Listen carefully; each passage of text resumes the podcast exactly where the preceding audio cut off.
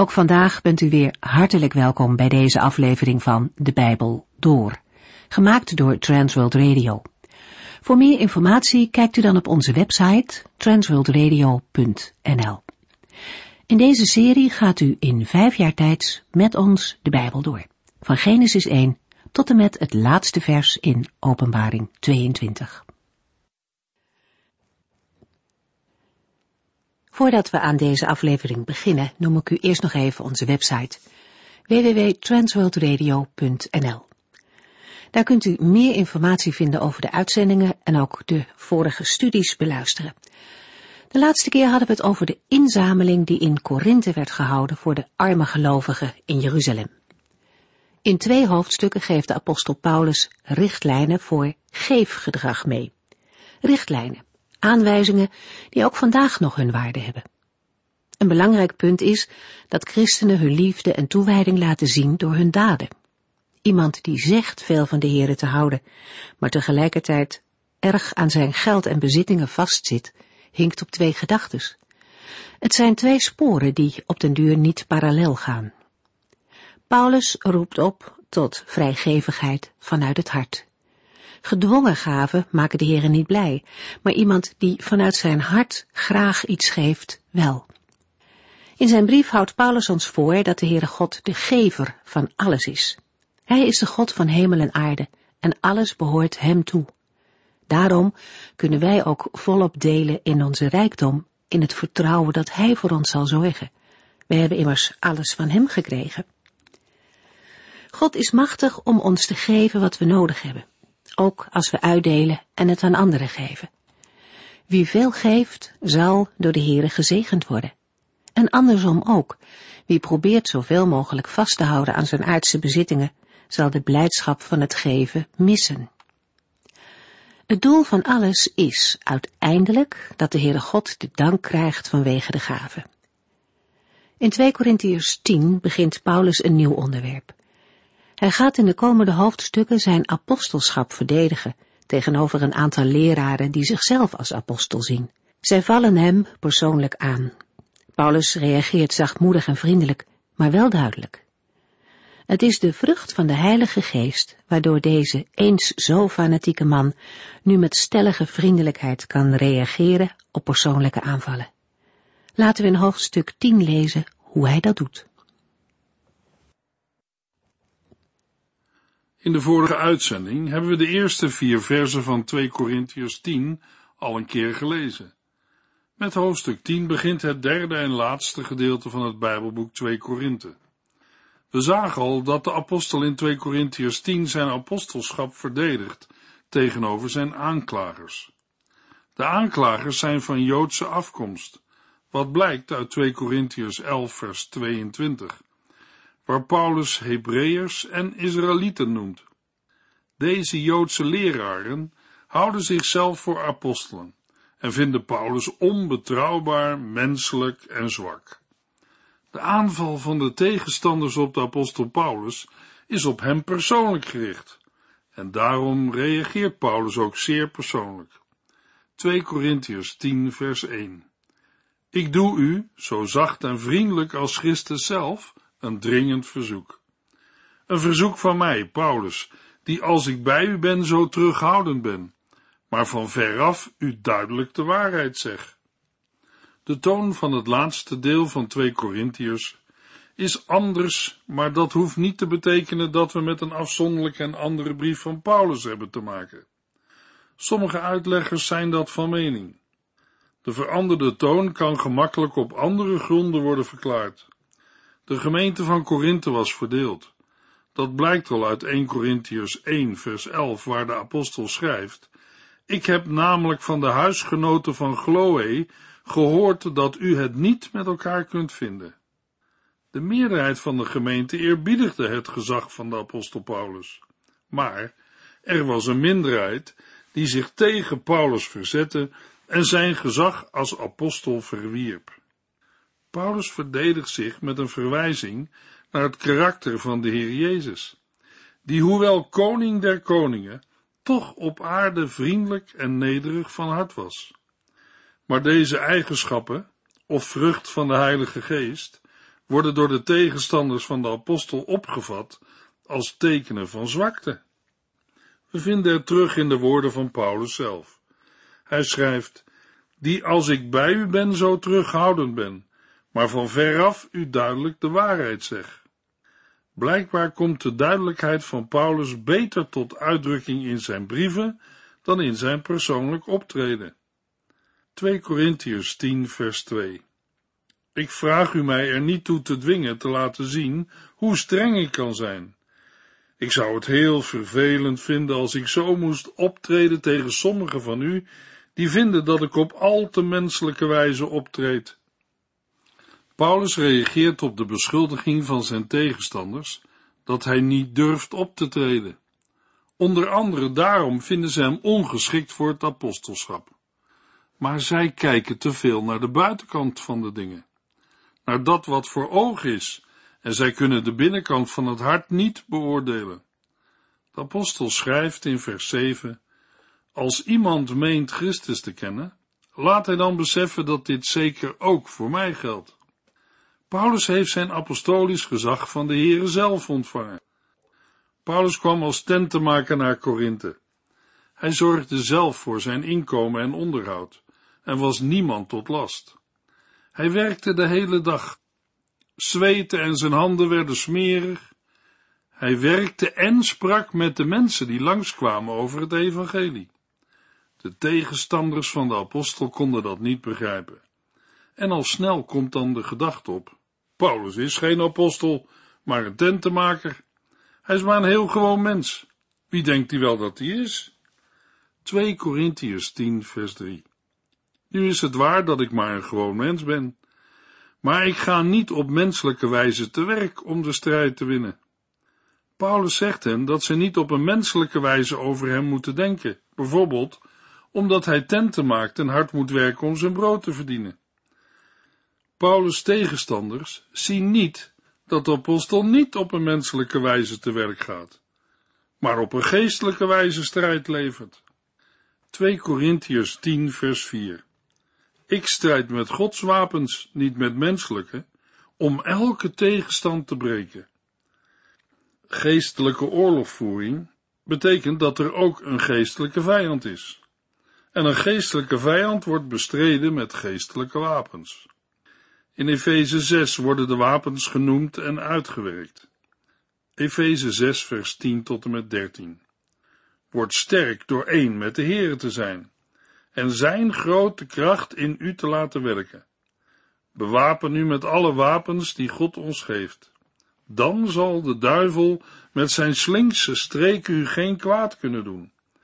Want wij vechten niet tegen mensen, maar tegen onzichtbare wezens de duivelse heersers en machten die deze donkere wereld tyranniseren, boosaardige geesten in de onzichtbare wereld om ons heen.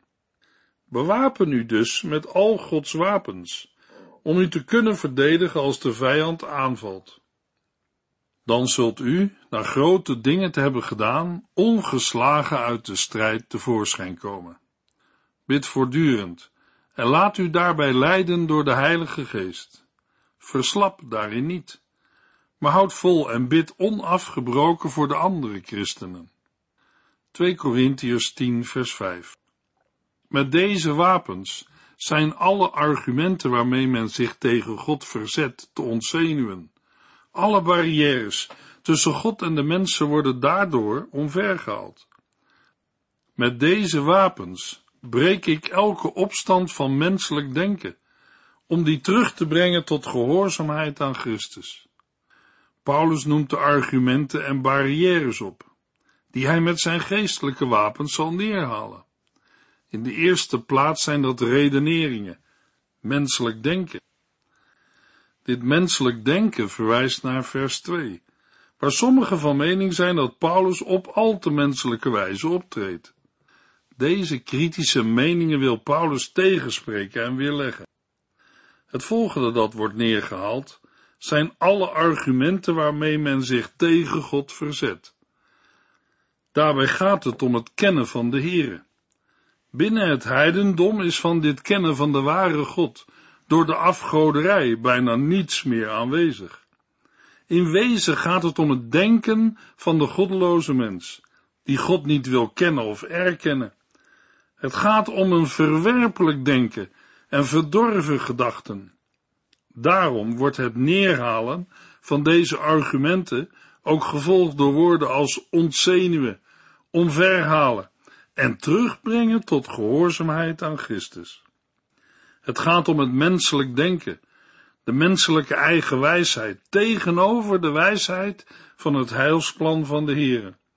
Paulus wil door zijn prediking en door de kracht van de Heilige Geest het menselijk denken brengen tot gehoorzaamheid aan Christus. Deze gehoorzaamheid betekent aanvaarding van Gods heilsplan en geloven in de Heer Jezus Christus. 2 Korintiërs 10 vers 6 tot en met 8 Zodra blijkt dat u volledig gehoorzaamt, zal ik deze wapens gebruiken tegen elke ongehoorzaamheid van anderen. U kijkt naar de buitenkant van de dingen.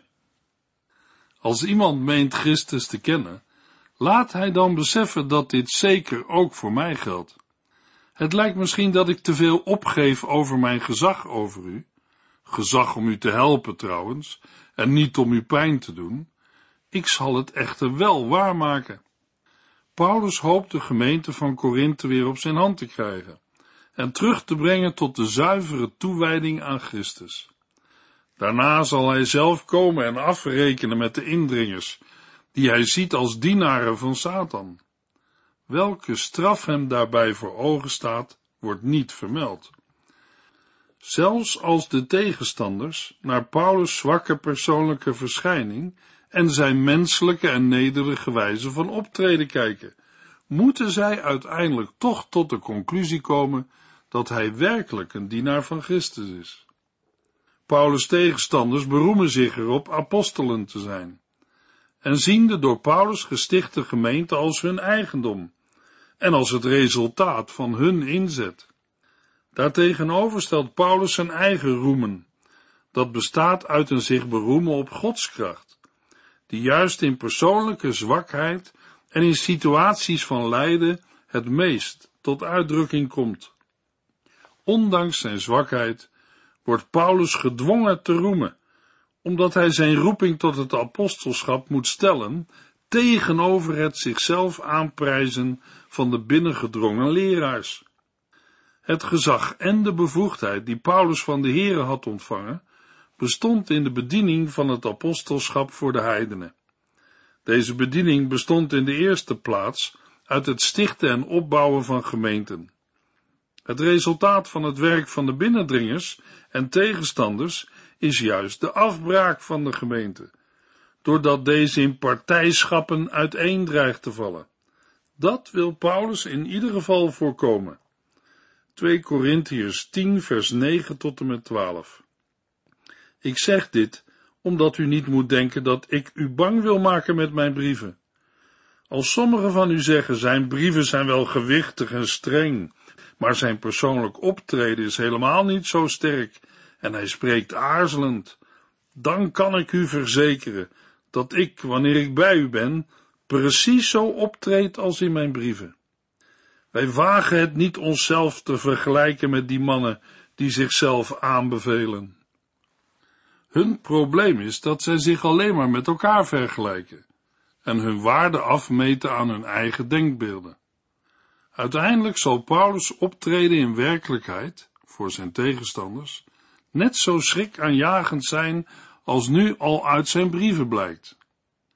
In dit vers, vers 10, lezen we hoe de tegenstanders van Paulus over hem denken en spreken. Paulus' persoonlijke optreden maakt weinig indruk op hen. In hun ogen is hij geen persoonlijkheid en daarom ongeschikt voor het apostelambt. Dit komt overeen met de beschuldiging dat Paulus te terughoudend is en niet durft. De woorden niet zo sterk wijzen er mogelijk ook op dat Paulus een slechte gezondheid had. Daarover schrijft hij zelf in 2 Korintiërs 12 en Galaten 4. Paulus beoordeelt zijn eigen optreden als zacht nederig en vriendelijk, en vol pastorale bewogenheid. Hij is zich ervan bewust dat zijn manier van spreken niet overeenkomt met de Griekse retorica en overredingskunst. Maar dat heeft de verkondiging van het evangelie ook niet nodig. Degenen die zo kritisch en minachtend over de apostel spreken, zullen als het erop aankomt merken dat Paulus krachtig kan optreden. Paulus hoopt van harte dat een dergelijke confrontatie niet nodig zal zijn. Maar als het moet, kan en wil hij de confrontatie best aangaan. In vers 12 rekent de apostel op een ironische manier af met de zelfingenomenheid van zijn tegenstanders. Wij wagen het niet onszelf te vergelijken met die mannen die zichzelf aanbevelen.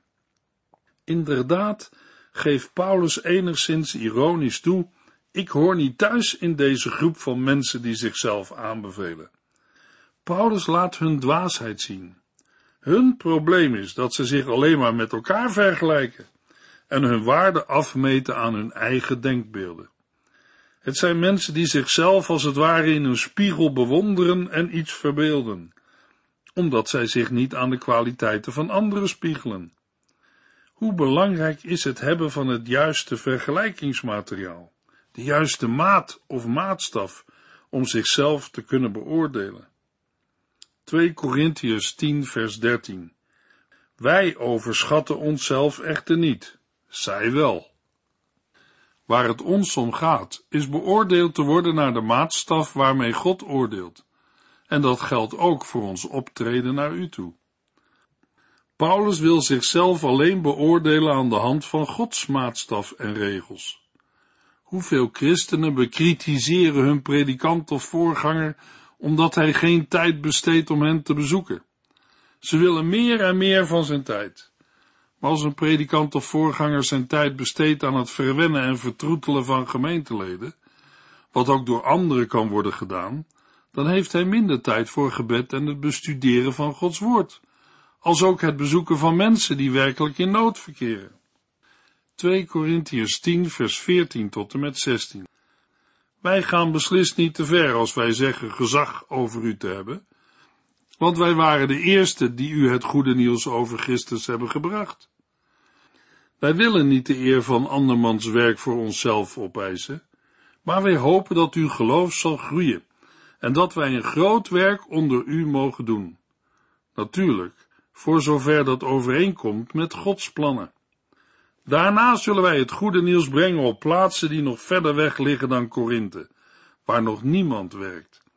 Dan zal niemand ons kunnen verwijten dat wij op het werk van een ander voortborduren. Paulus overschrijdt de grenzen van zijn roeping en arbeidsterrein niet. Hij verwijt de binnengedrongen leraars dat zij dat wel doen. Paulus behoort niet tot degenen die geen recht hebben zich met de Corinthiërs te bemoeien. Het bewijs van zijn bevoegdheid is geleverd door de geschiedenis. Wij waren de eersten die u het goede nieuws over Christus hebben gebracht.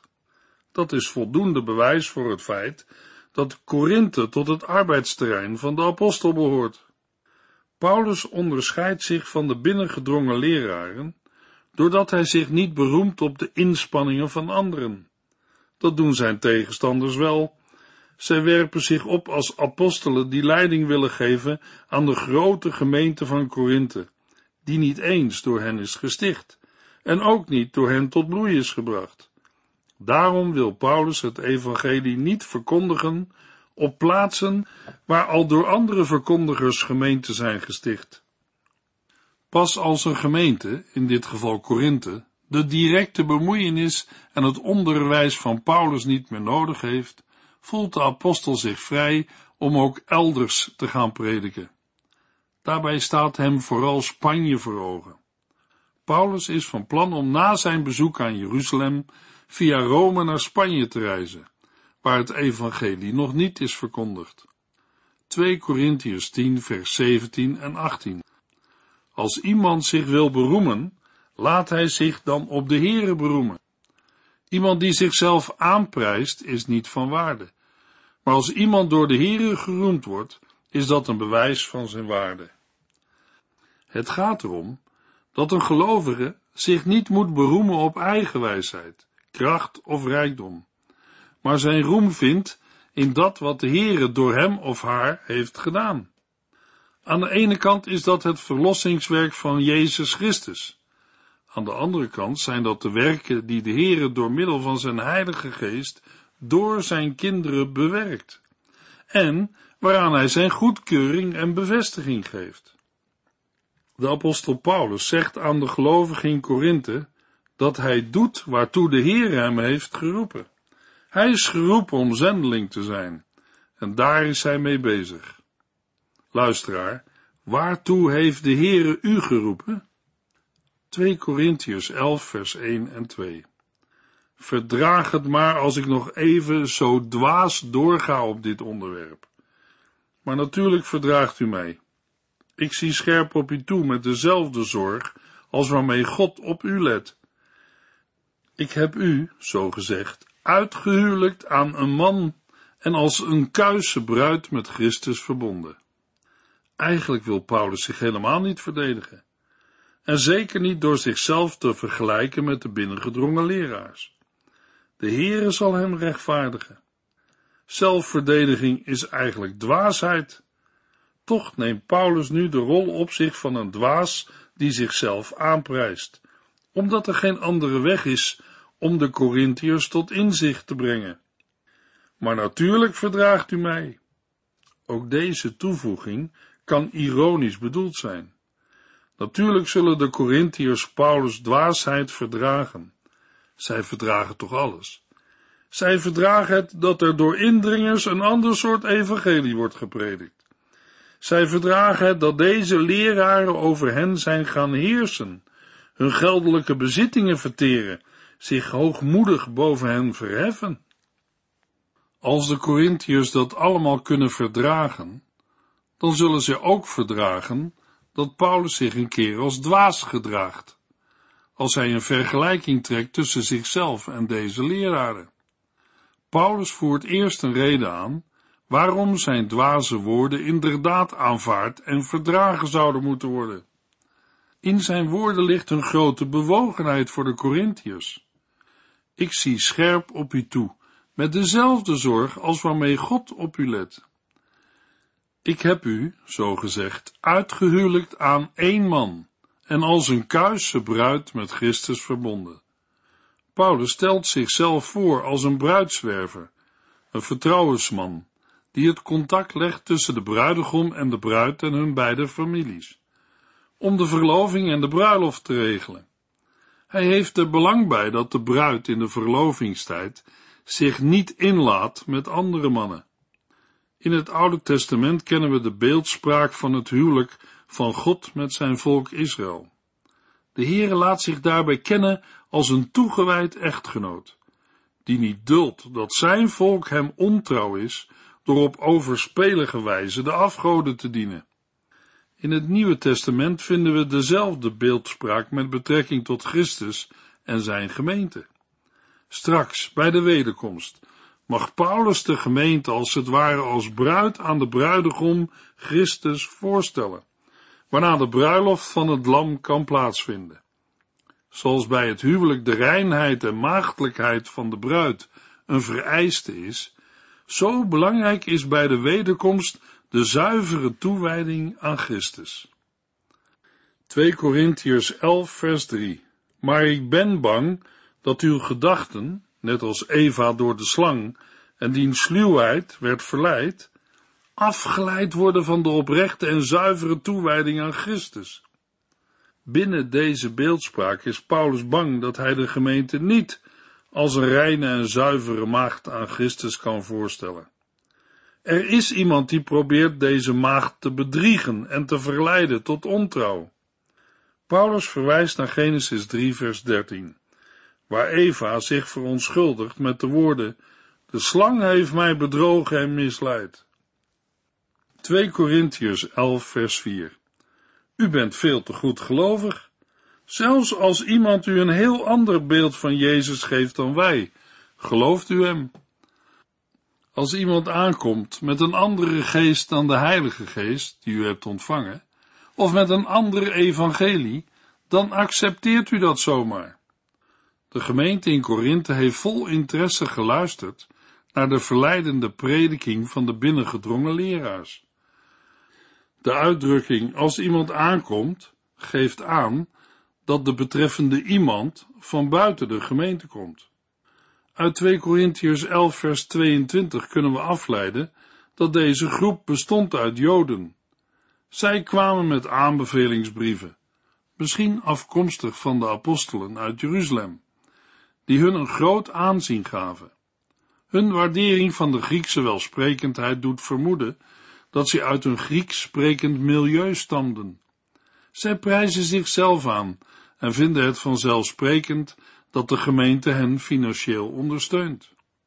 Er is verder geen aanwijzing dat deze Joodse predikers de betekenis van de wet en de besnijdenis overschatten.